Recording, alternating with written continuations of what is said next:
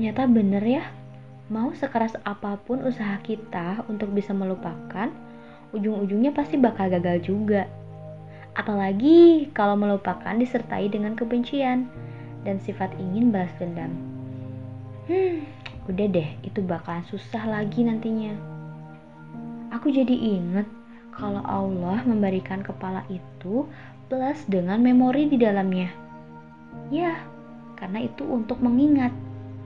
Kalau semua udah gak muat atau malah semakin menyakitkan, bahkan menyayat hati, mungkin jalan keluarnya adalah kita harus mengikhlaskan.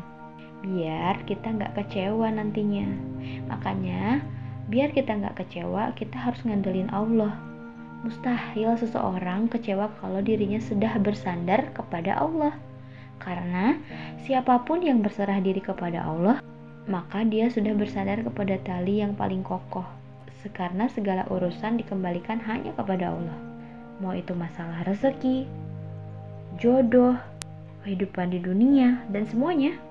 Emang dasar manusia, seneng banget sih minta, namun sering lupa memantaskan. Kadang kita suka banget nuntut sama Allah, namun lupa untuk memantaskan diri atas apa yang kita tuntut. Allah tuh suka banget memberi, namun gak ingin dibalas budi. Allah memberikan segala tanpa kita minta. Uang, keluarga, tahta, bahkan teman-teman, juga fasilitas yang kita miliki sekarang, mulai dari handphone, kendaraan, rumah, dan lain-lainnya. Lantas apa lagi yang kita mau?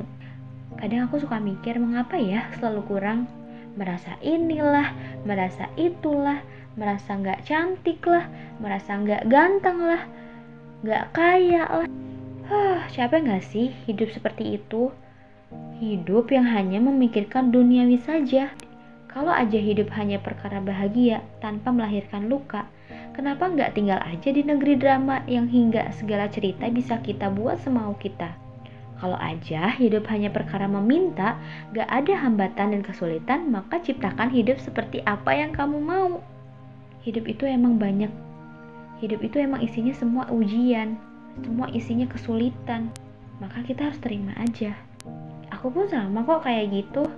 Semisal aku itu orangnya ambisius, pantang menyerah, pekerja keras, mengejar sampai akhir untuk kepentingan dunia.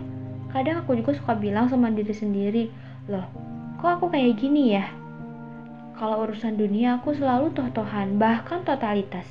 Tapi masalah akhirat, biasanya aku suka nanti-nanti aja. Atau mungkin aku sama sekali enggak memikirkan.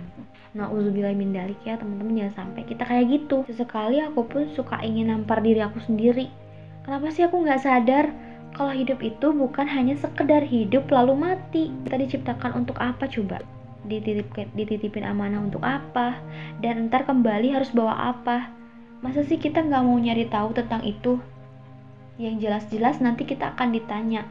Nanti kita akan mempertanggungjawabkan semuanya. Jadi buat teman-teman semua, Mari kita mengandalkan apa pun itu hanya kepada Allah, jangan kepada makhluk. Kapan pun di mana pun kita harus membuat bangga sang pencipta, karena kita pengen kan mati kita itu dalam keadaan terhormat, bukan malah dalam keadaan maksiat.